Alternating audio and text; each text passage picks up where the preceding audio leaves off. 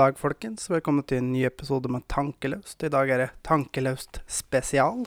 Ja, som dere sikkert har skjønt ut ifra tittelen på episoden, så handler det om eh, psykisk helse. Ja, det gjør det. Og i dag er det jo lørdag 11. januar Mm. klokka 14.54. Mm. Vi er jo så heldige at vi har fått med oss en uh, gjest Mm, uh, til denne episoden. det har vi. Uh, noen som vi, altså vi har jo begge to våre erfaringer innenfor det med psykisk helse. Det har vi. Det er noe vi har snakka litt om, men vi har jobba litt for å få Vi skal jo ha to gjester. Ja. Kommer ei uh, annen ei òg, som vi skal intervjue. Ja. Jobba litt med å få litt andre synspunkter, da, som har litt mer erfaring enn det vi har Ja. på området. Noen som har vært litt lenger inn i det enn det, det vi har vært, da. Rett og slett. Jo. Og da kan jeg vel få introdusere deg, Trine. Jo, takk for det. Du er da eh, min svigermor. Altså mammaen til Thomas. Min mor. Mm. Velkommen hit. Tusen hjertelig takk. Er du spent? Eh, ja. Jeg vet at du har både Og nervøs. Ja. Jeg vet at du har både grua deg og gleda deg til dette her, så Det har jeg masse. Ja. Veldig mm, Hva tenkte du da du ble spurt om å være med i podkasten for å fortelle din historie? Eh, litt usikker først, for Mhm. jeg ville egentlig ikke gjøre det. Eh, men jeg tenkte kanskje at det var greit å få Så andre kunne høre hvordan en hadde det òg, liksom. Mm. Så nå har jeg egentlig hatt problemer med å puste hele uke. Som jeg kaller det hverdagsangstpust. Mm. Men eh, Så nå er jeg ganske sliten og trøtt på grunn av det, da. Mm. For det tar veldig på. ja. Og det tenker jeg og det er litt, litt fint òg. Eh, at eh, Altså misforstå meg rett, at du har grua deg litt. For det er- blir litt nærere enn Ja. det det gjør hvis du hadde på en måte ikke hadde båret noe preg av det. da. Mm.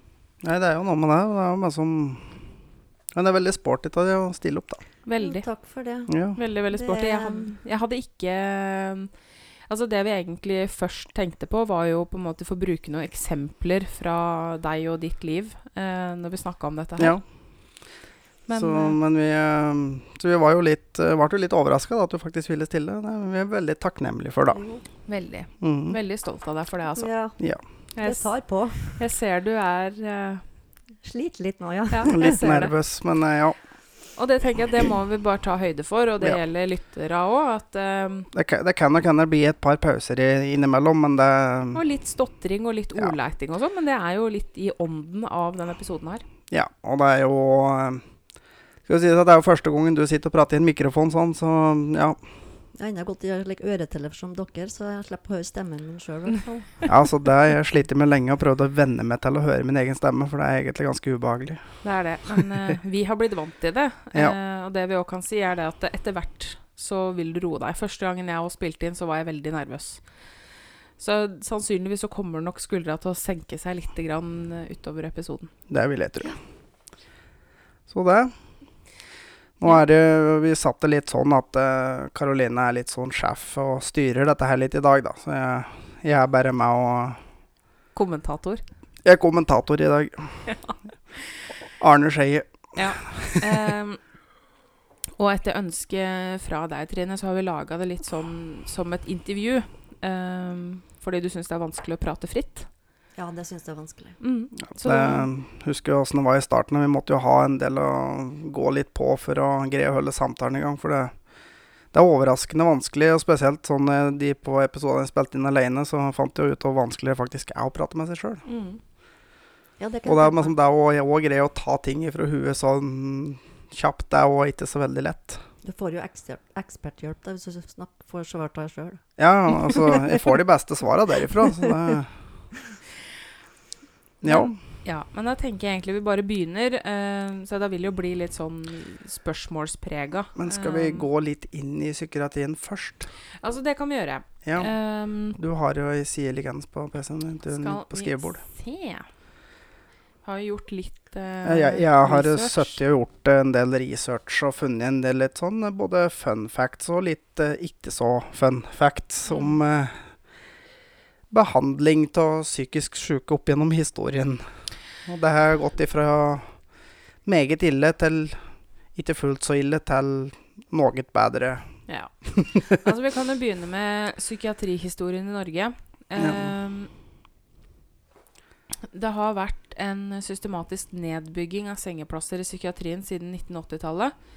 Eh, først og fremst så har den nedbygginga ramma ordinære psykiatriske institusjoner. Ehm, altså sånn som vi finner på alle sjukehus. Ehm, Ja, og- har- Rene psykiatriske sykehus og sånne ting. Og, Mm. Ja. Um, for det er selvfølgelig uh, Hva er det du har skrevet her nå? nei, det er jeg ikke sikker på. Er det her eh, copy-paste? Dette er copy-paste. Ja, ikke sant? um, altså, det er eh, psykiatri i Norge Selvfølgelig Det er mange steder i verden som har det verre enn vi har, men jeg syns at eh, vi er i 2020. Eh, jeg syns ikke psykiatrien følger helt eh, Følger helt sporet til somatikken, da. ja. Ehm, interessen for psykiatri er noe laber. Ehm, alt går sin skeive gang. ja. I hvert fall så lenge de store skandalene har uh, unnslipp i tabloidene. Ja, det er akkurat det. Uh, psykiatrien får, og har fått, kun oppmerksomhet uh, i forbindelse med drap, selvmord eller påstått feilbehandling. Og spesielt da selvmord når det gjelder kjente personer. Det ser vi jo nå første juledag, når Ari Behn eh, tok sitt eget liv. Ja. Da kunne plutselig alle eh, prate om om sjølmord og ja, må få hjelp og ene med andre. Og alle kunne være så flinke med som Å, alle var så glad i og med sånn, sånn. Men eh, så vi tenker litt Kunne dere ikke da fortalt Outen mens han var i live, i stedet for å sitte og fortelle det etter han er borte? Kanskje dere kunne forhindra. Og det gjelder jo mange som sitter i mørke tanker. At det, ta deg en tur, prat med dem. Altså, mange av dem du vet som sliter, ta deg en tur. Ta dem med deg ut en tur, kjør en tur med bil, prat med dem. Ja. Få dem til å skjønne at de betyr noe. Og det kommer vi til å komme litt inn på etter hvert eh, under samtalen med Trina her òg. Ja, men ja, det er eh, i psykiatrien Det er veldig tragisk, fordi over hele fjøla når det kommer til helsevesenet, så handler det om nedbemanning og Ja. Nye budsjettforslag med mindre og mindre penger blir bevilga til helsevesenet, og psykiatrien er jo veldig skadelidende under dette her. det er veldig enkelt å kutte i penger til psykiatrien. For det, som det synes ikke så godt. Nei, det gjør ikke det. Eh, fordi vi snakker ikke om det. Vi snakker ikke om psykiatrien. Eh, så fort det nevnes psykisk helse, eh, så backer politikere ut. Ja. Eh, det skal ikke snakkes om. Eneste Bent Høie har gått ut og forlangt at de skulle ha kortere ventetid, men eh, da må de jo faktisk ha mer penger òg, da. Det vil ikke bare si at dere må få, få ned ventetida. Det er jo dritlange ventetider på å få hjelp, og det, det er jo òg et problem. For du kan ikke bare sitte og si at folk ja, men du må skaffe deg hjelp, ja, men du skal jo stå et halvt år på venteliste, så Den gjennomsnittlige ventetida for voksne i psykisk helsevern har gått ned eh, for hvert år fra 2012 til 2018. ja. I 2012 var ventetida på 54,6 dager, eh, mens den gjennomsnittlige ventetida i 2018 var 44,8 dager.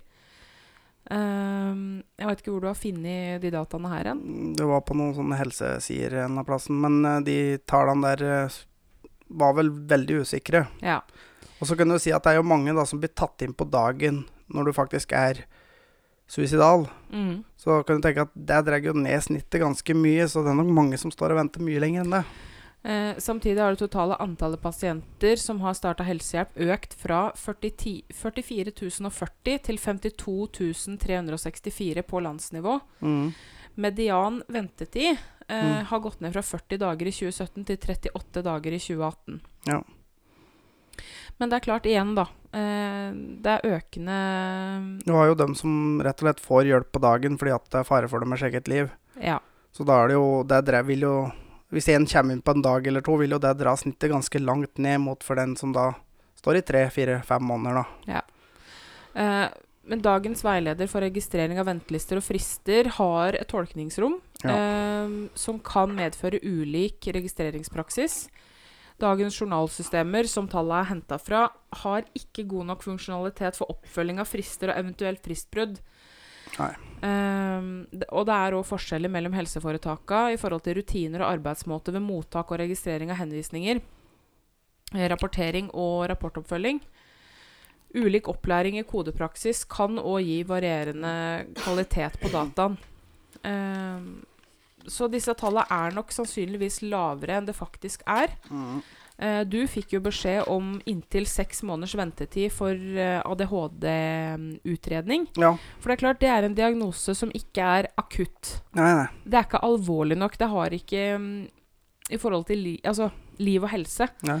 Um, så det er klart, man kan jo stille spørsmålstegn ved hvor lang tid man reelt Ja. Eh, står i forhold til ventetid. Da. Ja. Vi kommer litt også inn på det um, etterpå i forhold til det med alvorlighetsgrad og hvor fort man um, blir tatt hånd om. Mm. Men ja. Eh, også litt sånn historie i forhold til norsk eh, psykiatri. Opp gjennom historien så har det vært mye myter og overtro. Eh, dette her har og jo også vært knytta til psykisk sykdom, så man tidligere visste lite eller ingenting om. Ja, Altså, dette her er jo da egentlig på verdensbasis og for så vidt mye av det overtroen her og sånn, da. Mm. Det blei jo trodd at uh, psykisk, alvorlig psykisk syke var uh, besatt av demoner, Ja. Uh, og blei ofte drept. ja. Eh, I irsk folketro ble det trodd at hvis en person forandra personlighet, som ofte skjer ved psykisk sykdom, så trodde de at personen var bytta ut med en alv, og at de var en changeling, eller en byting, da, som vi sier Ja. på norsk. Ja, Rett og slett. En som er utbytta. Eh, Som òg da ofte ble drept, for, også fordi at de da mente at den personen da skulle komme tilbake. mm. Men han kom- jo aldri tilbake. Nei, er merkelig nok. Det er pussig. dette der. Eh, og det var jo også historier om at psykisk syke kunne være hekser, f.eks. Ja. Så det er, det er Så- godt at Tina forandra seg. Så vi har jo i hvert fall ti noen steg framover, da, heldigvis. Det har vi. Eh, men i litt mer moderne tid, litt eh, slutten av 1800 og opp på 1900-tallet, Ja. eh, så blei det mer og mer fokus på psykiatri og behandlingsmetoder. ja, det var jo mye Hvordan- prøving og feiling opp igjennom. da. Vi alle har vel hørt om lobotomi? Det har jeg hørt om. Ja. Det har vel de aller fleste hørt om, men det fins jo en del behandlingsmetoder som er mm, ja, nesten like jævlig, egentlig. Ja. Eh, langbad var den første behandlingsformen eh, da 1900-tallets psykiatri eh, gjorde kroppen til et objekt for terapi. Eh, ved å legge pasienten i varmt vann hver dag i opptil flere uker eh, skulle man oppnå at uro og angst opphørte. I Mm. praksis gikk behandlinga heller ut over hud og muskler. Ja, Ser den. Ja. fordi Eh. du kan faktisk ikke ligge altfor lenge i vann, fordi at Du går i oppløsning. Ja, rett og slett, faktisk. Kroppen går i oppløsning. ja. Um, malariaterapi ble lansert i 1917 for å kurere sinnssykdom i endestadiet av syfilis. Den forsvant ut av psykiatrien da man i 50-åra begynte å behandle syfilis med penicillin. Ja. Det funker nok mye bedre. Malariainfisert blod blir sprøyta inn i pasientene for å gi dem høy feber. Det skulle ta knekken på bakterien som forårsaket syfilis. Mhm. Eh, I Norge var malariaterapi faktisk i bruk fram til 1923. Ehm, for noen pasienter bremsa behandlingen utviklingen av syfilis. eh, Ja. Og det skapte et håp om at også andre alvorlige tilstander kunne la seg påvirke. Eh, derfor omtalte en norsk psykiater malariaterapien som psykiatriens første vårbud. Ja. Har dårlig trua på det, altså. Jeg òg. Defokalisering eh, som behandlingsform bygde på en idé om at bakteriespredning fra indre kroppsdeler gjorde hjernen syk. Eh, skal vi se Det skulle fjernes fra munn, hals eller underliv. I Norge var defokalisering i hovedsak begrensa til tanntrekking. Ja, men rett og slett fjerna deler. Ja. Eh, terapien fikk en viss utbredelse inntil 40-åra. Eh, den kom opprinnelig fra USA. Der fikk tusenvis av psykiatriske pasienter fjerna flere ulike indre kroppsdeler. Mange døde. Pussig. Eh, sovekuren, en europeisk oppfinnelse, kom samtidig med defokaliseringen. Pasientene ble holdt sovende i inntil tre uker med narkotika i blodet, eh, men ble daglig vekka for å få flytende føde. Pasientene skulle bli hjelpeløse. Da trodde legene at de ville bli mer mottagelige for hjelp. Komplikasjonene var mange. Brekninger, kraftig feber, lammelse av svelg og blære. I 1939 ble det gjort kjent at 17% av kvinnene som har blitt behandlet med sovekur ved et norsk asyl, hadde mista livet som følge av behandlinga. Ja. Insulinsjokk. Eh, hormonet insulin, altså eh, Insulin er jo det vi eh, Bukspyttkjertelen produserer for at det sukkeret vi inntar fra maten, skal gjøres tilgjengelig for cellene våre. Ja. Det er jo det som skjer når du har diabetes, at du produserer for lite eller ingenting insulin. Det er jo derfor du får det i sprøyteform Ja. eller i tablettform. Um, ved å injisere overdoser av insulin håpa psykiaterne å kurere pasienter med schizofrenidiagnose. Eh, under Ja. behandlinga ble pasienten holdt i dødelig koma i inntil en time. Mange fikk epilepsi, ble kronisk sløve. Eh, mange døde, Ja, selvfølgelig. ja. Eh, det er jo det som skjer når du får overdose med insulin. Så går du i koma, og så dør du. ja. Det, altså, det er så mye. Elektrosjokk ja. ehm, Så ble lansert i 1938. det er vel fortsatt i bruk i dag, men nok ikke sånn som det ble brukt på den tida. Nei, elektrosjokk er jo en uh, anerkjent terapi for Mm. flere um, psykiske diagnoser. Uh, men selvfølgelig Dette er forska utprøvd nøye, Mm. så det er jo lite strøm du får Ja, for jeg nå. tror nok det var mye hardere eh, doser du fikk den tida dette var Eh, elektrosjokk ble til å begynne med gitt uten narkose eller muskellammende medikamenter. Eh, mange pasienter fikk derfor ryggradsbrudd pga. de kraftige rykningene de fikk av strømmen. Du får jo fullstendig spasmer, da. Du har jo sett eh, hva som skjer hvis du tar på et strømgjerde. Du Ja. klarer ikke å slippe fordi muskler trekker seg sammen. Mm. Da kan du tenke deg når du får Når du ganger det med 1000, Ja. så det er klart at bein brekker. For Ja. muskler trekker seg sammen i den grad at Ja. beina brekker, rett og slett. Um, psykofarmaka, altså medisiner retta mot uh, psykiske lidelser, uh, kom jo i 50-åra. Uh, Ja. Og elektrosjokk eh, brukes jo fortsatt eh, sammen med medikamentell behandling. Ja. Eh, men i dag kalles det elektrostimulering. Ja. Ehm, Det er vel ikke sjokkterapi? Nei, det er ikke sjokkterapi. Eh, det er stimulering. det er ikke snakk om at vi kommer med plugge kontakter, i stikkontakter og løs ledning i andre enden bare bzzz. Nei, det er ikke helt sånn. Nei. Men uh, vi var inne på lobotomi, Ja. uh, altså kirurgisk psykiatri. Det er jo ikke det Lobotomi var jo ikke det eneste. Kastrering Ja. blei også forsøkt. Håpa å påvirke hjernen indirekte Ja. eh, ved kastrering. Ved lobotomi gikk legene for første gang inn i hjernen. Eh, altså De stakk jo små instrumenter De bora høl i huet, og så stakk de inn et instrument, og så klipte de vel noe forbindelse mellom noen deler til hjernen og greier. Ja. Og dette her var jo en veldig utbredt og anerkjent Jeg behandlingsform. hørte jo faktisk en sak fra USA. Det var en lege som syntes dette tok for lang tid, så han fant ut at det var enklere å bare gå gjennom eh, øyehulet med Mm. bitte lite ishakke. Ja. Og det var tydeligvis òg merkelig nok flere som døde av det. Det og gjennom det. øret. Ja. Uh, vet jeg hadde, og da brukte de noe strikkepinnelignende Gud, altså. Uh, Og det var en, Det er godt vi bare har kommet langt derifra, syns jeg. Midten på 1900-tallet var jo dette kjempeutbredt. Uh, første gangen dette ble utført i Norge, det var i 1941 på Gaustad sykehus, som for Ja. øvrig fortsatt er et operativt uh, psykiatrisk sykehus. Ja. Fram til 1974. ja. Jeg Så vi understreker 1974 ble minst 2500 psykiatriske pasienter lobotomert. ja. Så det, vi Ja. har hatt en del, og vi har brukt det ganske lenge. Altså, vi lå jo, altså det, lobotomi varte jo slutt ganske tidlig på 50-60-tallet egentlig mange steder, og vi brukte det helt fram til 1974. Mm. Og det var Norge eh, var faktisk etter Danmark på verdenstoppen i forhold til bruk av lobotomi. Ja. Så vi brukte det mye. Altså, det har jo vært mye historie rundt eh, Lier eh, mentalsykehus, og der var det veldig, veldig mye eh, lobotomering. Faktisk. Eh, Det er jo mange av dem som jobba der, som sliter i ettertid med hva de gjorde nedpå der. Det er klart, og det og i forhold til fastlåsing, det bruker vi jo fortsatt. Altså beltelegging Ja. er jo kjent i psykiatrien.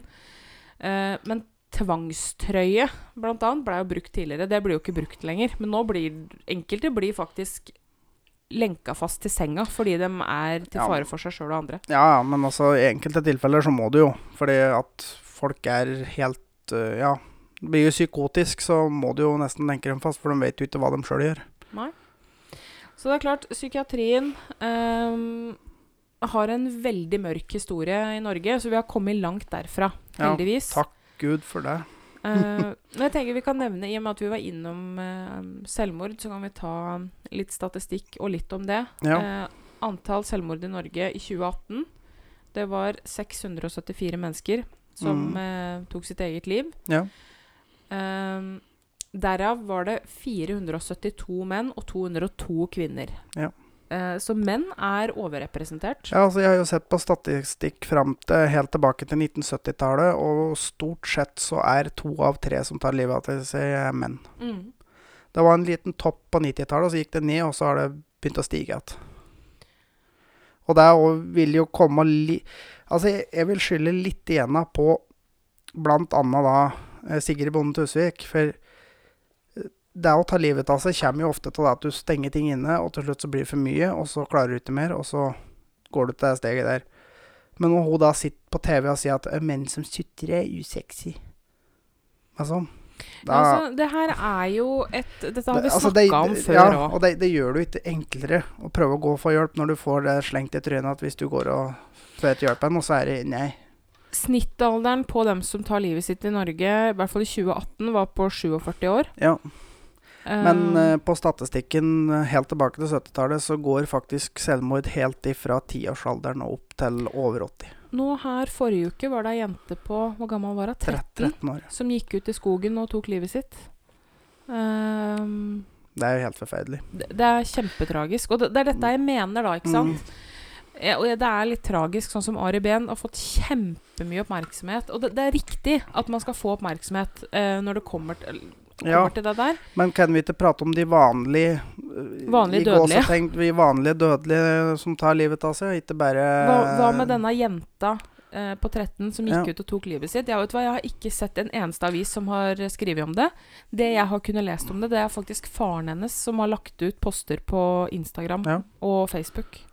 Ja, men, ja, og det er bare sånn for en veldig lite For det er, som, det, er, det, er ikke, det er ikke så nøye, der, for at det var ikke kjent. Og det er nesten 700 mennesker som tar livet sitt i året. Det er omtrent to om dagen Ja, som I snitt. livet sitt. det er, det er for mye. Det er, det er 674 for mange. Ja, ja, det er det. Um, det er klart at vi har en lang vei å gå. Ja. Uh, og det, jeg tenker at uh, de samtalene vi kommer til å ha med Trine her, og Den andre som skal den med. andre som skal intervjues, Ja.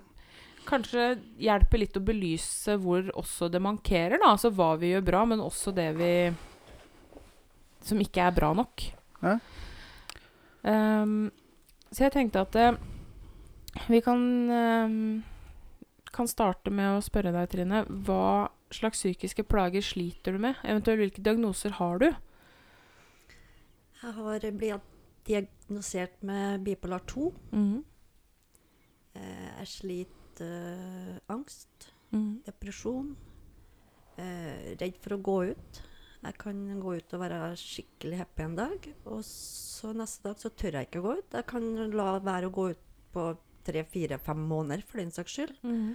Og um, jeg ikke tør å hente posten eller noen ting. Nei. Og hvis jeg må absolutt på apoteket eller noe hvis jeg ser noen kjente folk, så springer jeg på en butikk og gjemmer meg bak hylla til de har gått forbi, så jeg slipper å møte noen. Mm. Ja. Så da er du helt utslitt før du kommer hjem. Sant? Mm. For du bare angst og overnervøs for at folk skal se deg eller snakke til deg. Eller. Mm. Ja. Så det liksom bare skynde seg inn på apoteket, få hente det du skal, og skynde deg hjem igjen og låse døra. ja. Eh, og for dere lyttere som ikke veit hva bipolar lidelse er eh, Det er jo det som før ble kalt manisk depressiv. Eh, Og det handler jo egentlig om at um, følelsesregisteret, stemningsleie, er veldig svingende. Mm. Du går fra å være veldig høyt oppe, som da heter manisk, uh, og ned i kjelleren, rett og slett. At det er store svingninger. Da Jeg kaller det nedtur da, når jeg er Mm. veldig Ja, den, den nedtur. nede. Og så kaller jeg det faktisk taktur. For, for, når jeg er oppe, for da har jeg så mye energi, og jeg har lyst til å gjøre alt på en gang. Mm. Ja. for dem som vanlig, sånn du ligger på en sånn linje i midten, og så er du litt opp og litt ned. Som vanlig. Men sånn. det, du har jo gode og dårlige dager.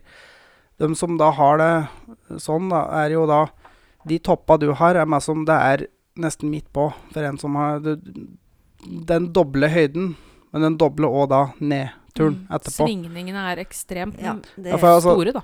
Så si det at du er i kjelleren. Eh, en som da er skikkelig depressiv, er i kjellernivå 3, 4, 5. ja.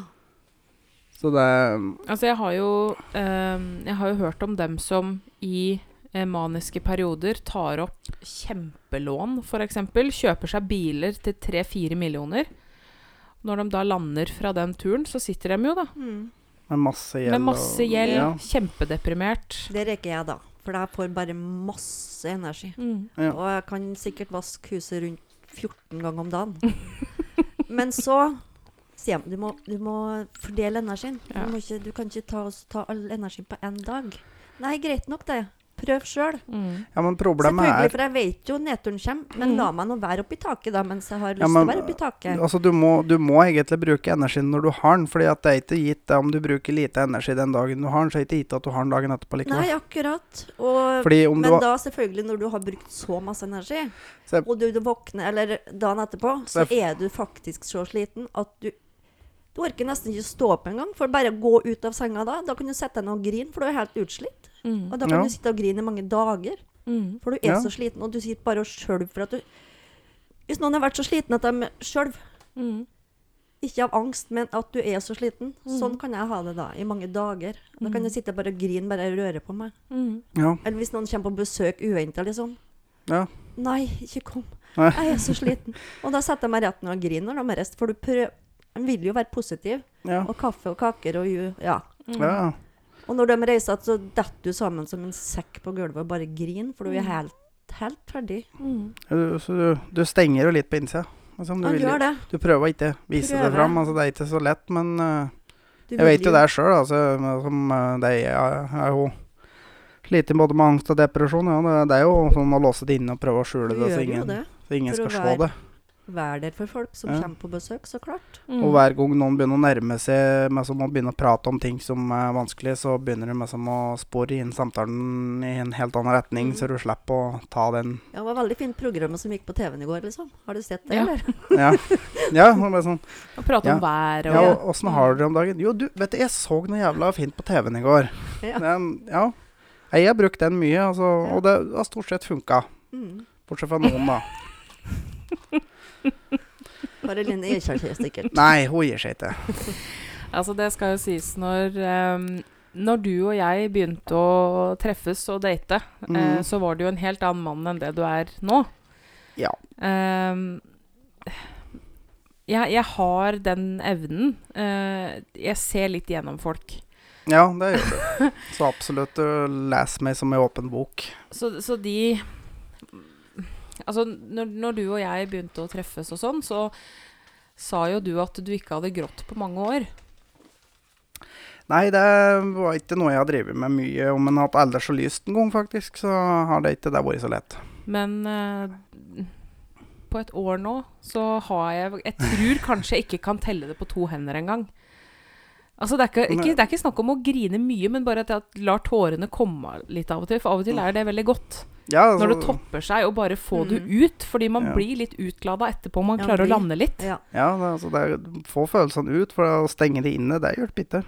Eh, så du er jo en helt annen mann, og det tror jeg alle rundt deg også kan se. At du er en annen mann nå enn det du var for si halvannet år tilbake, da. Ja. Ehm, for jeg er Jeg også er et følelsesmenneske. Jeg griner jo støtt og stadig. Senest i går Mm. så jeg en video Eller du viste meg en video av en med Downs syndrom som har fått fast jobb og er tørrvaresjef på en Kiwi-butikk i Trøndelag. Og det jeg, tårene trilla. Jeg blei altså så rørt. Ja. Uh, Hadde han fått uh, merke som hadde, han var ferskvaresjef, og han jobba tre dager i uka. tørrvaresjef. Tørrvaresjef, ja. ja. Og hun men som hun hadde fått spørsmål fra foreldre om det, han kunne få jobbe der, og hun var litt usikker og sånn, men så hadde hun gitt den, og men som, å, nei, hun var så fornøyd. For, Han jobba jo som ingen Ja. andre. og hun hadde lært så mye av han, men som og han hadde lært mye om, men som han Mm. Og hun fikk klem hver gang hun dro hjem fra jobb, og men så, nei, det, hun syntes det var så koselig å ha han der. Så jeg og er um... Så det er så bra at så, de får muligheten. Ja, absolutt. Føle seg litt verdt noe, men som kan bidra og gjøre noe. Eh, og det bringer meg inn på eh, Møter du mye fordommer eh, i forhold til at du er psykisk sjuk? Jeg har egentlig ikke gjort det. Nei? Eh, Så fint. til å begynne med, kanskje. Ehm, så lurte de jo på Mm. Ja. eh, ufør. Mm. Hvorfor det? Du Ja, selvfølgelig. Du ser jo helt frisk ut utapå. Mm. Ja. Du blir jo positiv og Mm. springer rundt og vasker huset, og hva fader er du hjemme for? Mm. Ja. Slik er det jo. For du har jo vært ufør en stund. Jeg har vært ufør siden 1.1.2010. Ja. Ja. Mm. Selvfølgelig er det ingenting jeg ville mer enn å jobbe. Nei. Ærlighet, jeg hadde jobben min. Jeg savner, Jeg savner faktisk jobben min enda. Mm. Um, jeg var innom der her ja, for et par år siden. Da satt jeg og gret faktisk til hun sjefen. For jeg hadde så lyst tilbake Mm. å få, få tilbake jobben min. Mm. Mm. Jeg var frukt- og grøntansvarlig der på Coop Mega Lillehammer. Mm. Jeg elska jobben. Jeg kunne drive på døgnet rundt, jeg. Mm. Men uh, sånn gikk det jo ikke. Nei, og det er jo noe med på en måte Man identifiserer seg jo veldig med jobben sin. Det er jo en veldig viktig del av livet vårt. Vi tilbringer jo mesteparten av tida vår på jobb. Mm. Eh, kollegaer blir kjempeviktig for en. Ja, Det er viktig for identiteten vår. det er jo noe med det. Å føle meg som at du har noe å gå til, på en måte. Du har tilhørighet et Ja. sted. Mm. Det er klart, Faller man utafor arbeidslivet, så faller man jo utafor mye sosialt òg. Det er klart det at uh, mye nettverk har man jo gjennom jobb. Ja. Mm. Jeg har jo det. Så Mm. Ehm, når var det det gikk opp for deg at alt ikke var som det skulle sånn psykisk sett? At du sjøl begynte kanskje å tenke på at uh, her er det noe som ikke stemmer? Mm. Det var nok i tenårene, tenker jeg, Mm. at det begynte sånn smått. Mm. Um, da begynte jeg å få litt tungt og sånn. Og, men du liksom Du føler at det er noe, men du tenker ikke over det. Det er sikkert en slik dag, liksom. Mm. Mm. Ja, så det blir jo litt sånn. Og så er det jo at ungdomstida er jo en litt sånn Ja. vanskelig fase uansett. er fordi det. at det er, det er så mye forandringer både i kroppen og alt som er. ja som er sånn, og ja.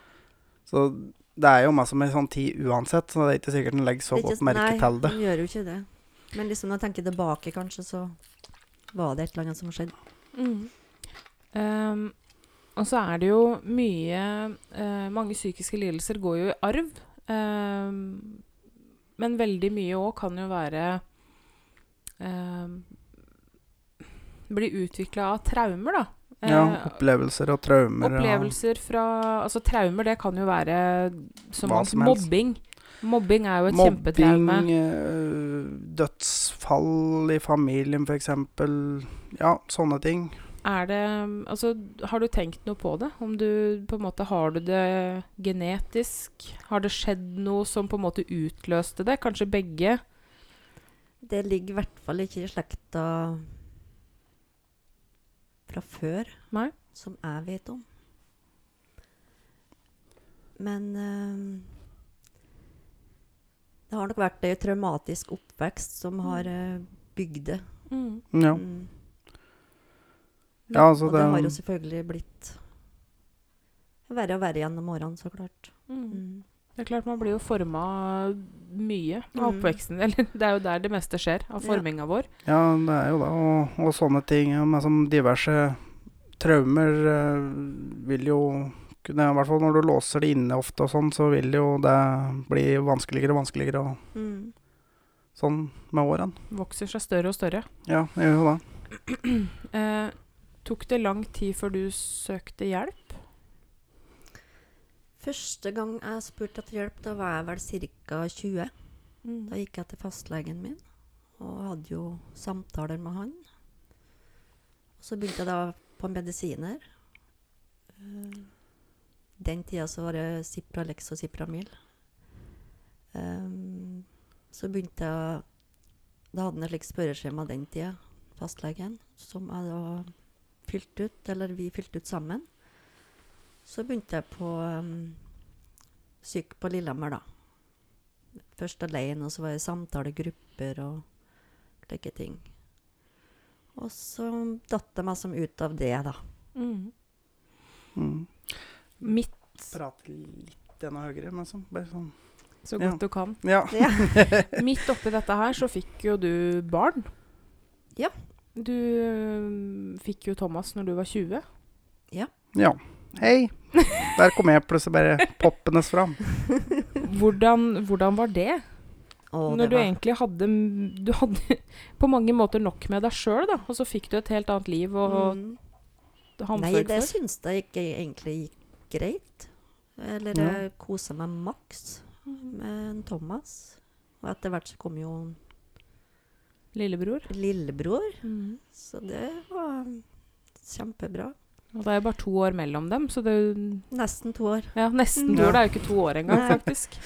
Så, men det var jo helt topp. Men jeg kjente jo det at Etter hvert som tida gikk, at kroppen min ikke tålte så mye. Mm.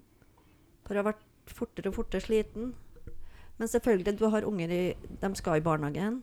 Og så var de større på skolen. og Så var det baking av kaker, og så var det Så du fulgte jo opp, sant? Mm. Og til mer og mer sliten ble du, men du kunne jo ikke si nei, sant? Nei. Så Foreldremøter, samtaletimer, 17. mai, Ja, kommenter, faders oldemor og alt mulig dritt. Og så kom vel til ungdomsskoletida, og så ble han der Thomas han ble jo så jævlig vanskelig han å gjøre, og så det hjalp jo sikkert veldig på. Så en merker jo det at en ble mer og mer sliten. Mm. Så etter liksom ungene Eller ble stoler og liksom jeg fikk land, så flata jo nesten helt ut. Mm. Eller før egentlig det ble Ja, For det var jo da 30. du møtte jo litt veggen nå etter hvert. Ja, jeg møtte skikkelig veggen eh,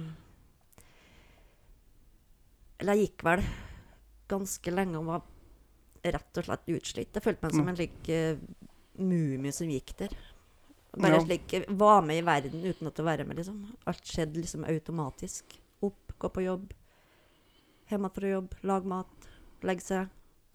Alt gikk automatisk. Mm. Ja. Og så um, I 2006 September 2006 Da hadde jeg slitt lenge, altså. Jeg var, jeg var så sliten at jeg Ja, da lå jeg bare og gret. Husker jeg reiste til Syden. Jeg lå og gret hver dag, for jeg ville ikke hjem igjen. Jeg orka ikke mer. Rett og slett. Orka ikke være med mer. Så når jeg da kom hjem fra Syden den gangen, så gikk det vel kanskje ei uke. Så sier jeg at nå For da hadde jeg egentlig gjort meg klar. Mm. At nå, nå skal jeg henge meg. Jeg gidder ikke. Jeg klarer ikke mer. Jeg orker ikke til livet her. Uh, da fikk jeg hjelp. Mm. Da var det vel ei som var veldig flink til å Eller hun steppa vel ganske hardt inn i ja. Og sparka meg i ræva.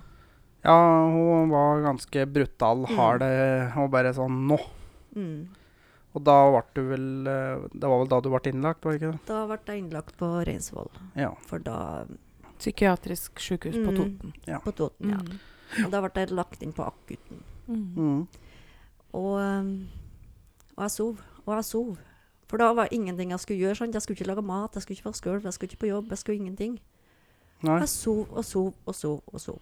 Mm. Og hver gang han legen, overlegen kom og skulle liksom Skal du hjem igjen, eller skal du ikke hjem igjen? Liksom. Mm. De har vurdert samtaler. Mm. Og jeg fikk helt panikk hver gang, for jeg ville ikke hjem igjen. Jeg orka ikke. Nei. Jeg makta ikke. Vær så snill, så jeg la meg nå være her. Og så ble jeg da overført på avdeling, da. Mm. Og um, da lå jeg på en avdeling som heter NB. Det er òg på samme område, da. Mm. Eh, det lå Mm. til slutten på januar i 2007. Mm. Så altså fra september til januar.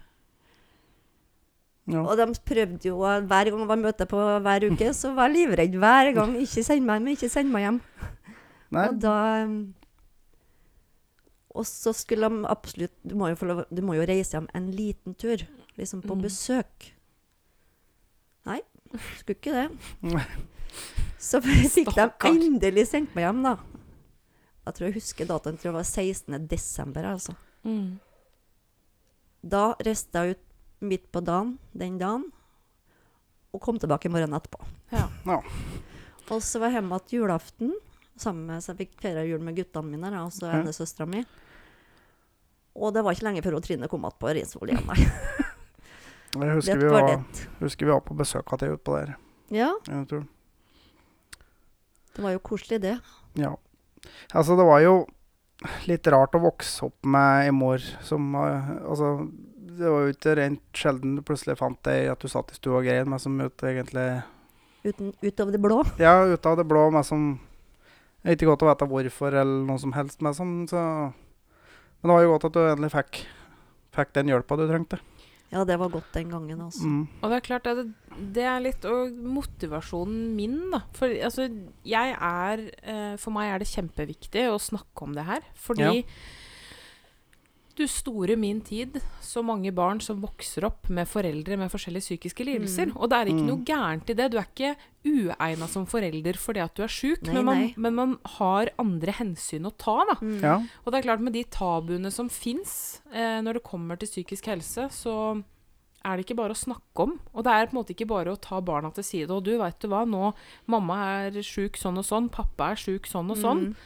Eh, for man, man møter så mye fordommer og stigma rundt det å Mm. være psykisk sjuk. Mm. For det, Ja. det syns ikke, ikke sant? Nei, det syns ikke utapå, vet du. Samme er det jo Altså, har du et brekt bein, skal alle skrive på gipsen din 'Å, god bedring', og ja. Det er så synlig, ikke sant? For det sa jeg til legen min en gang. Jeg enda har hatt brekt bein, Ja. Mm. For da ser de utapå meg. ja, det var så, Ja, ja, sånn, så men går det seks uker, så er beinet i orden igjen. Ja. Mm. Går det blir da, sånn. Nei, akkurat. Nei, altså, sånn, du går med armen i fatle, du går med gips, Du går på krykker, ja. sitter i rullestol. For det, sånn, det, det blir litt på samme måten. For at du går ikke til at en, eller du sier til at en som eh, sitter i rullestol at eh, Faen, reis deg, ja. din- Ta deg sammen. Ja, Ja, dette har jeg Kom hørt. deg til helvete ut av den rullestolen, da. Det er sånn, sånn Sett ned beina og si til deg sjøl. Den har jeg hørt mange ganger. Ja. Da blir jeg så Ja, hvis jeg kunne ha gjort det, så har jeg jo selvfølgelig gjort det. ja. Mm. Hvem er det som vil ha det sånn, da? Og slite sånn? Det er akkurat det. Det er, og det er, det er så viktig å Ja. snakke om det, og det er det er det som er motivasjonen min for at vi snak, sitter og snakker om dette her. Ja. Eh, for jeg ser jo altså selvfølgelig eh, Med den bakgrunnen jeg har, da, som jeg har nevnt mange ganger på den podkasten her Jeg er jo sykepleier. Jeg har jo på en måte I min utdannelse så har jeg mye kunnskap om psykiatri. Jeg møter så mye psykiatri. Og jeg tror folk hadde blitt ekstremt overraska over hvor mange som sliter. Mm. Jeg har jo, eh, spesielt i hjemmesykepleien, ble det kjempetydelig. Ikke sant? Du ser på eh, i journalene dine Oi, der har du bestefaren til den, ja. Mm. Alvorlig depresjon. ja. Hardt medisinert mot depresjon. Mm. En mann på 80, ikke sant? Mora til eh, ei du gikk på skolen med, kraftig angst. Hjemmesykepleien leverer medisiner for at hun ikke skal overdosere seg. Ikke sant? ja. Det er så Det er så mange. Ja, det er mange, og det, du antakeligvis kommet til å bli overraska over hvem. Og det er Fordi at veldig mange er veldig flinke til å ikke vise det. Og det er Jeg husker jo ehm, En venn av meg har jo en forelder eh, som har slitt mye. Mm. Ehm, og gjennom hele oppveksten så hørte jeg jo at forelderen sl hans slash hennes Mm. er pillemisbruker. Ja. Det, det, det var liksom sånne rykter som gikk på bygda. Ja. Eh, og, og det det egentlig bunna i der, det Mm. var at det vedkommende sleit så intenst med eh, depresjon og med angst Ja. at vedkommende gikk på en del medisiner. Mm. Rett og slett for å ho holde seg på beina. ja. Nei, vedkommende var pillemisbruker. Ja. Eh, og det, viser så tydelig hvor mye stigma det er, da, ikke sant? Ja, og så kan ta litt med dette med rus òg, da. For det, der òg er jo en del uh, stigma og en del misforståelser. Mm. For det er det med sånn Hva er rus? Jo, da kommer folk. Ja, det er narkotika. Det er heroin. Mm. Amfetamin. Og hasj og sånn. Og ja, det er rus. Men uh, det som f blir mest misbrukt av rusmidler, er faktisk medisiner. Vanlige Og- reseptbelagte medisiner og Alkohol, ja. ikke minst. minst. Alkohol er, blir jo mye mer eh, misbrukt enn en ulovlige narkotiske stoffer, da. Ja. Illegal rus. Illegal rus. Det, det, det er jo veldig- bare en liten del av det bildet. for veldig mange er jo avhengig av eh, medikamenter som de får forskrevet av legen sin. For Morfinpreparater, f.eks. Mot smertestillende. Altså, smertestillende er jo vanlig, vanlig smertestillende, og kan du bli avhengig av. mange, eh, i hvert fall med altså sånn som eh, Paralgin forte. Ja. La oss ta det, da. Det har Ja. jeg faktisk liggende på bordet her. Ja. La, la oss ta Paralgin forte som et eksempel. Det er jo Hvor- reseptlagt. Hvor mange av dere som hører på, har fått eh, Har fått ehm, Paralgin forte. Forskriver Ja. Paralgin forte mot tannsmerter ved et brudd i, i et bein? Hvor, Ry ryggsmerter. Vet du hva? Det er eh, Og det skal sies, Paralgin forte er det faktisk Det er to ting i det. Mm. Det er paracetamol, Mm. og så er det kodein. Kodein er et morfinpreparat. Ja. Kraftig vanedannende. Mm. Eh, og jeg ser hvor lett det var for meg. Jeg hadde tannsmerter, altså jeg hadde tannrotbetennelse, som jeg har snakka om, i fortenna nede. Ja. Hadde så vondt så jeg trodde jeg skulle bli gæren. Ja. Gikk til tannlegen min og sa at Paracet og Ibux hjelper ikke. Hva gjør vi? Parangen forte, vær så god. Ja. Uh, jeg brukte opp ei pakke, uh, fikk resept på en ny, men da roa smertene seg. Mm. Så jeg har jo en hel pakke liggende her. Ja. Uh, den er jo for så vidt bare tatt tre tabletter av mot migrene, da. To Ja. til deg og én til meg. Ja. Men for hvem som helst andre, som du nevnte i stad, Trine, eh, en bekjent av deg solgte Paragen forte for 20 kroner tabletten. Ja, Ikke Ja. sant? Det er for mange, mange år siden så var det en som solgte tablettene sine. Og det er klart hvis Jeg kan gå Jeg har papirer på at jeg har Mm. prolaps i ryggen. Ja. Jeg kan gå til min fastlege. Jeg veit hva jeg skal si. mm. Eh, med den utdanninga jeg er. Jeg veit akkurat hva jeg skal si for å melke den legen for Ja, men altså, de aller fleste kan komme fordi at vondt i ryggen er jævla vanskelig og kan fysisk vise at er, er noe med sånn. Så men, men- jeg har bilder på det. Jeg har Ja, ja. MR-bilder Ja, som viser at ja, det er plausibelt at du har jævlig vondt i ryggen. ja, ja, men altså, det, de fleste kan jo bare gå til doktoren sin. Jeg har helsike så vondt i ryggen. Ja, og så sier du du får en time til eh, Eller du får beskjed Ja, du må gå til eh, fysio. Mm, Og så får du med ei pakke med Paralgin, da, så at du kan overleve hverdagen. mm. Ja, det er sant. Og der har du det, ikke sant? Ja. Det å misbruke Altså, rus er jo Altså, bare Hvor mange er det ikke som er avhengig av to øl når den kommer hjem fra jobb for å roe seg? ja. Vet du, det er så mange. Og så er det men som Hvor mange er det ikke som er alkoholikere her i landet? Og det kan man òg Mye alkoholisme. Mm. Eh, altså, det ser jeg Der jo òg kan henge en god del i hop med psyki, eh, psykiske problemer. Selvfølgelig avhengighet, sånn generelt sett, eh, går ofte genetisk. Ja. Men eh, jeg ser det jo så mye. Psykiatri og alkoholisme går jo hånd i hånd. Ja. Mm. Fordi det er, det er et rusmiddel som er tilgjengelig. Eh, og alle veit jo det. Når du får drikke deg god nummen. Ja, Det er klart det er godt. Da, da gjør det ikke så vondt den stunda. Nei, det er smerte eller smerter og Kroppen roer seg. Ja. Du slipper å tenke. Ja. Du får eh, Du Du får, Du slipper angsten. du Du, slipper du får fri du, Mm. Ja, du får fri en liten stund. Ja. Hva slags forhold har du til rus i forhold til eh, den bakgrunnen du har? Alkohol. Mm. Jeg har drukket masse alkohol. Mm. Mm. Um, fra egentlig Jeg begynte vel rundt år 2000. Mm. ja. Jeg har jo um, bøtta ned ganske mye, for å si det sånn. Mm. Ja, men Uh... Og det kan både være hverdag og helg. Eh, du, du er nok ikke alene om det. For å Nei, si jeg sånn tror ikke det, Og altså. det er, det er mange sk Ja. såkalte skapdrankere der ute. ja. men jeg merker hvis det har det Det verre har det, så klart. Det Mm. mer Ja. drikker. Mm. ja, men sånn vil det jo være. Ja. Fordi at du skal døyve eh, smerten, da, kan du si. På en måte. For da får du roa deg. Ja, Du, Du, du får litt fri. får Og det, og det er òg for dem som vurderer rusmidler for å dekke over. Altså, det er ikke alle typer rusmidler du skal bruke, fordi at f.eks. Eh, å prøve diverse psykadeliske stoffer for å døyve smerten, Veldig dumt. det gjør antageligvis ting mye, mye verre. For det, mange sånne stoffer forsterker den sinnstilstanden du faktisk er i. Vet du hva, jeg vil faktisk si det at det, hvis du føler at du er i behov av et eller annet for å ikke ha det vondt innvendig, så Ja. ville jeg oppsøkt fastlegen min. Ja.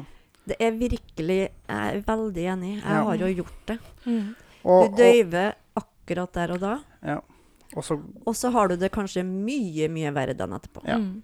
og da er du Men selvfølgelig akkurat den lille da- timen akkurat da, det er jo og dagen etterpå er da ekstra ille, for da har du rått fyllesyk i tillegg. fyllesyk. Kanskje du har fylleangst. Ja, Mm. ja det òg. Pluss at hverdagen er du, som den var i går. du, har, Mm. du har drukket såpass at du rett og slett har eh, blackout-fylla Ja, og sånn, så du du ha. vet ikke hva du har drevet med Jeg i vet ikke hva jeg driver med, men sjekk ut telefonen, har jeg skrevet noe nå. Men- Sikkert noe dumt. Bare for å ta en sånn liten ekstra en når det gjelder rus, altså Fra alt til dem som vil prøve rus, kommer til å prøve rus på en eller annen slags måte. Men hvis du vil prøve diverse, spesielt av ulovlige Ikke- stoffer Ikke kom med noen oppfordringer nå. Nei, jeg skal ikke komme med noe som helst oppfordringer. For jeg skal ikke For uansett hva jeg sier fra alt til, så kommer ikke det til å bestemme folks Nei, Men nei, men det er, hvis- det er forskjell på å prøve rus for gøy og å Ja. utnytte Ja. rus for eh, Altså, ikke utnytte rus Ikke rus. Ikke utnytt rus for å få, proble- eh, for å få bukt med dine psykiske problemer, for det hjelper veldig lite. Det skal jeg love dere. Det Men Hvis du ingenting. vil prøve rus for gøy, så gå inn på ei side som heter rusopplysningen.no, for der står det doseringer, virkninger og sånne ting. Og det er ikke oppfordring til å prøve det, men eh, for å si det sånn, hvis du går og kjøper til en eller annen luguber fyr på et hjørne Du får ikke Du får ikke meg i bruksanvisning, da, for å si det sånn. Nei, så det er i hvert fall et uh, topptipp at uh, skal du prøve sånne ting uh, for gøy, da, så gå inn på rusopplysningen, så der finner du doseringer og alt mulig på sånne ting. Og for dem som vil prøve rus for å få bukt med psykiske problemer, ikke gjør det. Nei. Bare det, det Og, og det, er ikke en, det er ikke en oppfordring til å prøve rus i det hele tatt, for det er best ugjort uansett egentlig hva du skal ha i deg. Men Ja. Men det får være opp til hver enkelt Ja. hva du har lyst til å putte i kroppen din og sånn. Og, ja. uansett hva vi sier, kommer ikke til å ha noe å si Nei. for den som har lyst til å prøve rus. og legaliseringsdebatten og slikt, det gidder vi ikke å gå inn på nå. Vi, vi tar ikke den nå. Nei. Så Nei, det men, men det med rus er veldig vidt og bredt. Ja. um, Og det henger jo opp med ganske mye forskjellig. og jeg ser jo Hvis jeg bare ser rundt min egen krets, da. Hvor mange jeg kjenner som er avhengig av det, de to glassa med vin, eller de to ølboksa eh, Mm. utpå kvelden. Ja. Det også er jo Altså, jeg vil ikke kalle det misbruk, men det er jo et bruk, en bruk av alkohol for å på en måte roe nerver, Mm. for å slappe av. Um, og det kan jo fort eskalere. ja, ja, ja. Ja, for altså, det er veldig fort gjort at det med sånn Nei, jeg tar med en øl om kvelden. Ja. Jeg tar med en til. Det har jeg fortjent. Tar en Mm. to-tre. Jeg har fortjent Ja, ei flaske med vin i dag. Mm. Ja, For jeg har vært så en, flink. ja, men en dram, det må det være lov. Vi holder oss til én, og så Ja. blir den sterk. Og så Ja. blir det to, også. Så, Åssen ja. Åssen starta det for din del? Ja, si det. Nei. Var det um, Altså, dette her er jo med alt. Altså, Altså, det- det, dette gjelder jo alle. Altså, jeg veit for min del har et veldig avslappa Nei, vet du, det blir feil å kalle det avslappa. Eh, fordi jeg drikker jo nesten ikke. Det var jo sånn Seinest i går. Vi laga oss en god middag, biffmiddag. Ja, og jeg fikk en øl, og du tok én sup, så sa jeg du, du har lov å ta din egen, vet du. sa jeg det. Men, eh, men jeg, bare, jeg har ikke lyst på en hel. Jeg hadde bare lyst på den smaken, liksom, lite grann. Og så var jeg ferdig. Altså, altså jeg drikker jo antakelig over snittet mye øl, men jeg drikker det ikke for rusen sin del. Altså, jeg drikker det for at jeg syns det er godt. Det, det er jo det som er med deg. At Ja. altså, vi kjøper jo stort sett bare Altså Vi er jo i Sverige en gang i Ja, måneden, og vi kjøper stort sett bare øl på butikken. Det er sånn 2 Ja, altså, øl. Ja, sånn 3,5 prosent, det er sånn du får ikke pisset av, egentlig.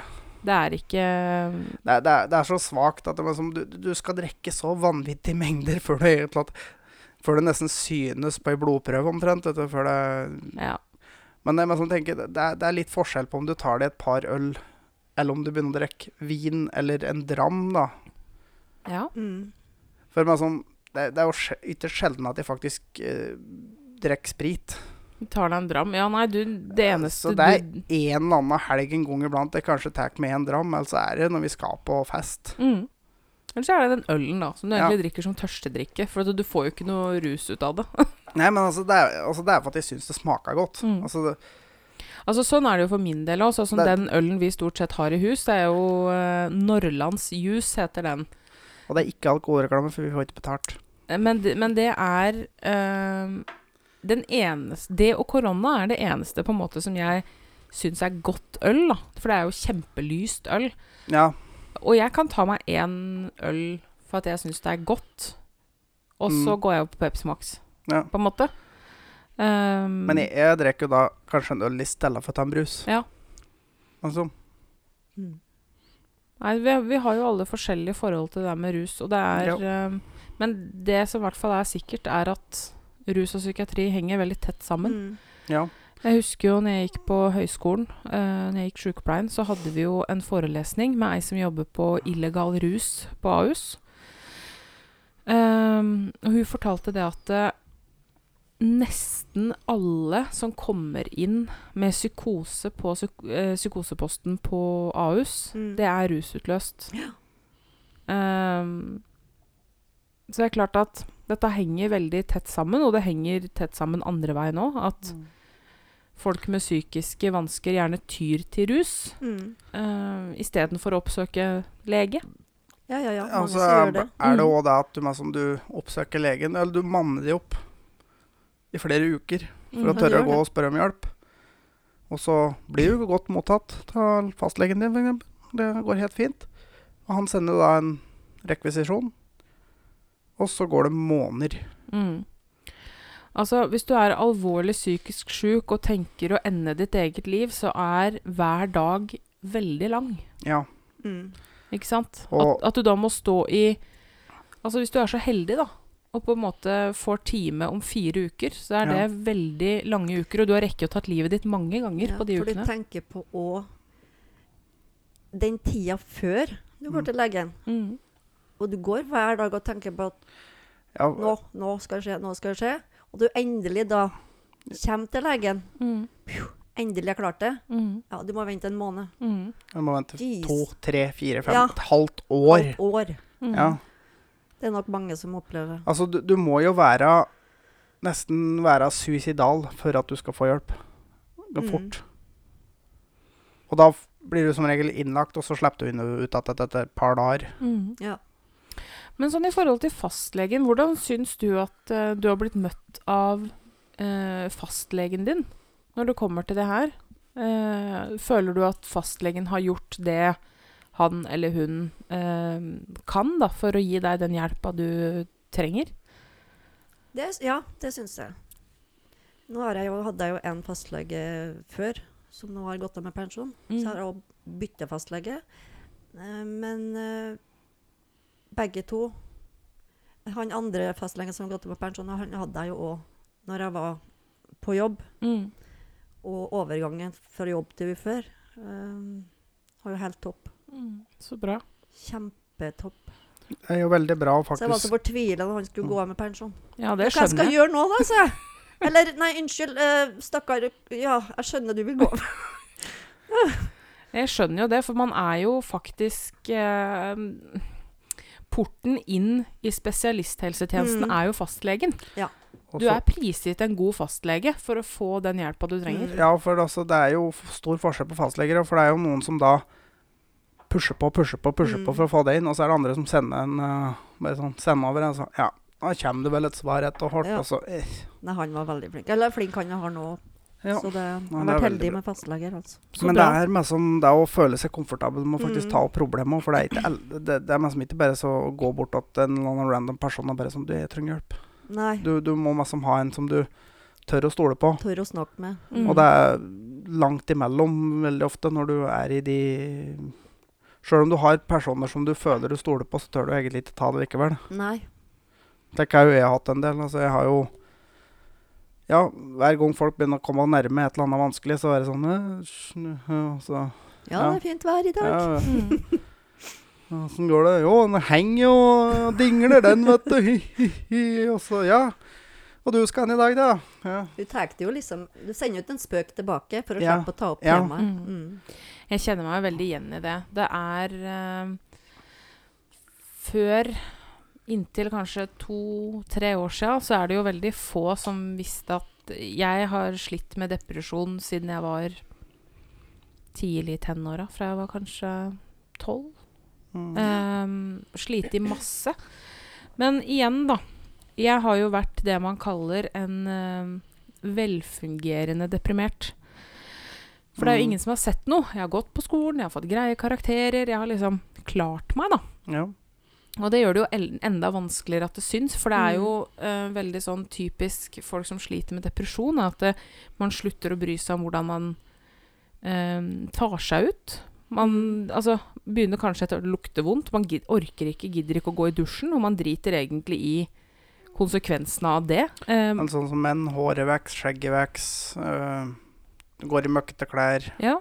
Men sånn er det jo um, egentlig um, for meg når jeg har min verste periode, når jeg er så langt nede. Så gå i dusjen.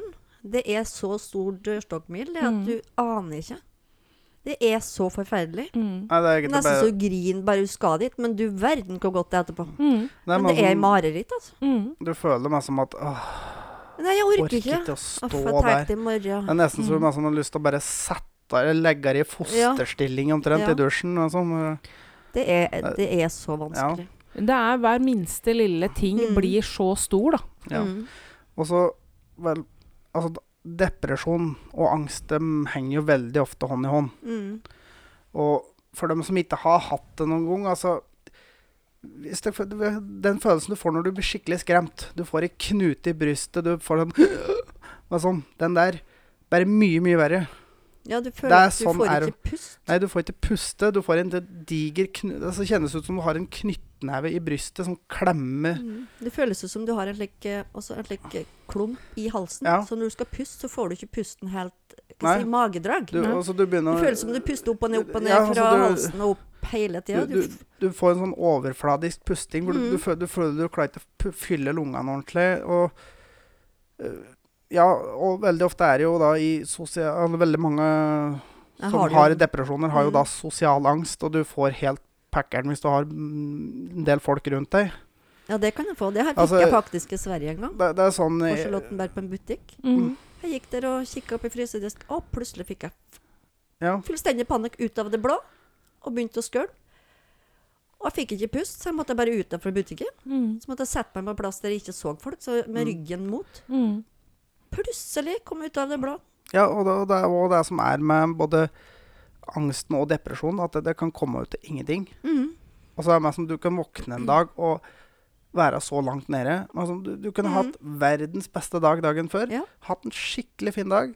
Våkne dagen etterpå. Livet suger. Ja, det har Rett og eh, slett. For å si det veldig enkelt. Og der tenker jeg der har vi mye å lære, altså. Fordi ehm, Altså, livet kan jo føles urettferdig. Altså, man, man må spille de korta man har fått, da. Ja. mm. Og det er klart noen av oss har fått en dårligere hånd enn andre. Ja. Uh, har dårligere forutsetninger. Uh, noen får eh, ja, fæle opplevelser. Uh, Noen har det genetisk. Altså, Ja. Jeg ser jo i slekta mi det har jo, På min fars side har jeg jo angst i Mm. hvert ledd bakover. Jeg er eh, heldig. Jeg har ikke fått noe plager med angst. Um, men igjen, jeg har fått depresjon. Mm. Slitt masse. Um, og jeg merka jo det i Skal vi se, nå blir det februar i fjor. mm, Um, så møtte jeg veggen. Uh, Blei sjukmeldt. Altså, jeg spøy hver dag før jeg skulle på jobb. og Ehm, til slutt så tok jeg tak og jaga deg til doktoren og bare Nå! For jeg, jeg spiste ikke. ehm, jeg sov ikke. Jeg satt på sengekanten og dingla med beina hver eneste natt. Sto opp, altså la meg, sov kanskje en time, og så drev jeg og surra oppe en fire-fem timer, og så kunne jeg gå og legge Ja. meg igjen, sov en halvtime, og så var det opp igjen. Og for de som kjenner meg, så veit jo det at jeg er jo et dovendyr. Herregud, jeg Mm. kan sove glatt tolv timer hver natt. Ikke noe problem. Legger jeg meg horisontalt på sofaen, Ja. så slokner jeg. Ehm, ja, det er sånn hvis vi skal se på film, så må jeg passe på at hun sitter noenlunde oppreist, Altså er hun borte. Så det er klart at jeg møtte veggen skikkelig, og jeg var dødsheldig eh, som har en god fastlege. eh, som jeg følte meg komfortabel med. Mm. Han er jo også riktignok eh, Tror han er ett år eldre enn deg, jeg. Ja, han han er er vel ganske ung. 31, tror jeg. Ja. Og han er Han og jeg er veldig på fleip, eh, og det har gjort meg veldig komfortabel. Mm. Så jeg, jeg kunne faktisk greie så vet du hva, nå orker jeg ikke mer. Og han bare Det er helt greit. Ja. Det er helt greit å ikke orke mer. Mm. Ja, det er klart Dette begynte å eskalere, eh, og jeg som har slitt en del med depresjon, jeg begynte å kjenne igjen symptomer. Du blir apatisk, det var ingenting som spilte noen rolle. Eh, og jeg er en sånn person som Jeg er veldig lett å gjøre glad og takknemlig, Mm. men det var ingenting som på en måte kunne få meg til å smile, da. Jeg kjenner meg veldig at det regner med at du gjør òg. Mm. Ja. Det er Og Og du, det er meg som at du og du veit du veit at OK, dette her skal gjøre meg glad, men du bare Mm. klarer ikke å ta det innover Nei. deg. Nei, og så blir du utsliten, og du klarer meg som ikke å få utløp på det. Og til slutt så er man som en liten filleting bikke begeret, så du får et raserianfall ut av en annen verden uh, for en person som egentlig ikke fortjener det i det hele tatt. Det var bare det at det var den personen som var nærmest akkurat der og da, når det er endelig der du klarer å få det ut. Mm. Og det var jo i februar i fjor, så jeg var jo veldig heldig som hadde deg der, eh, som veit så mye om dette her. Jeg så symptomene veldig godt, så jeg tok tak. Første uka jeg var sjukmeldt, så ville jo ikke du la meg være aleine, så du tok jo meg med på jobb. Nei, ja, jeg, nei, men altså Du hadde behov for å bare komme deg ut litt. Og, og bare det å ha rutiner på at nå må du spise, nå skal Mm. vi stå opp, nå skal vi sove. Ja, Og bare ha de rammene å forholde seg til, det var faktisk veldig deilig. For jeg hadde ikke, jeg, jeg hadde ikke matlyst.